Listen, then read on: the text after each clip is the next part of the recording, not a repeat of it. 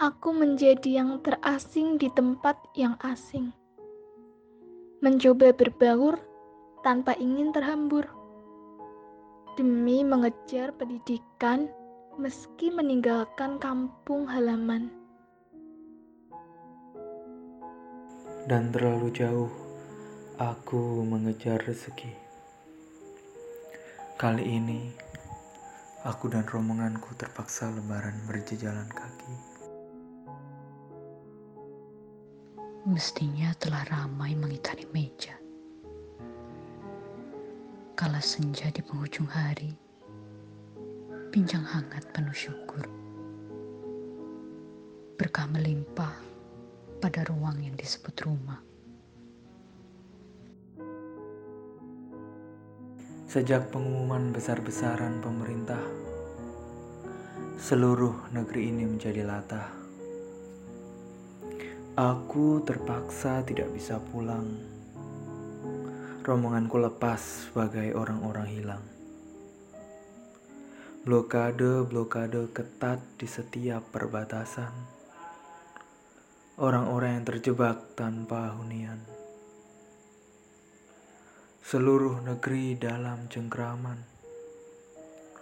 Di mana pun pengecekan digalakkan, kita semua saling kebingungan.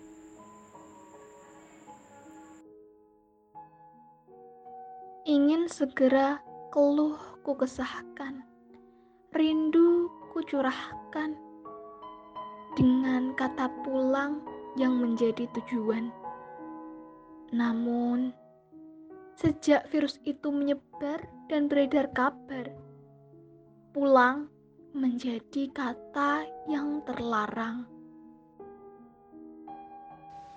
Lama sudah tak kembali anandaku yang tersayang, kasihku yang tercinta, tak mampu kurengkuh lantaran jauh. Bagaimana bisa tidak merindu keluarga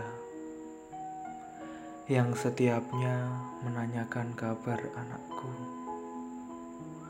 yang selalunya bersanding dengan istriku? Jikalau pertama kalinya tidak membersamai, bisakah aku lebih sedih dari ini? Nyatanya sunyi lebih kentara dibanding cengkrama. Hanya figura yang asyik bicara, menggoda, memancing rindu. Ku peluk tubuh sendiri di malam Idul Fitri. Ku tatap mereka yang bersama keluarga, sedang aku hanya bisa menelan air mata. Memasang tawa di balik topeng duka, menjejal rindu yang tak kunjung bertemu titik temu. Seharusnya aku lebih bisa berkaca bahwa masih ada banyak orang yang tak lagi bisa dijumpa, bahwa masih ada banyak orang yang bertaruh nyawa, bahwa berjarak adalah cara masa kini untuk tetap mencinta.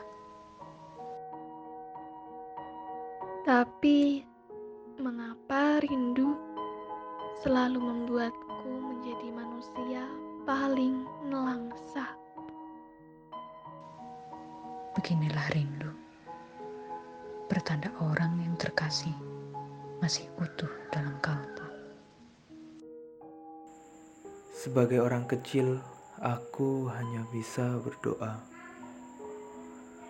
Semoga semua cepat membaik. Semoga negeri ini cepat pulih.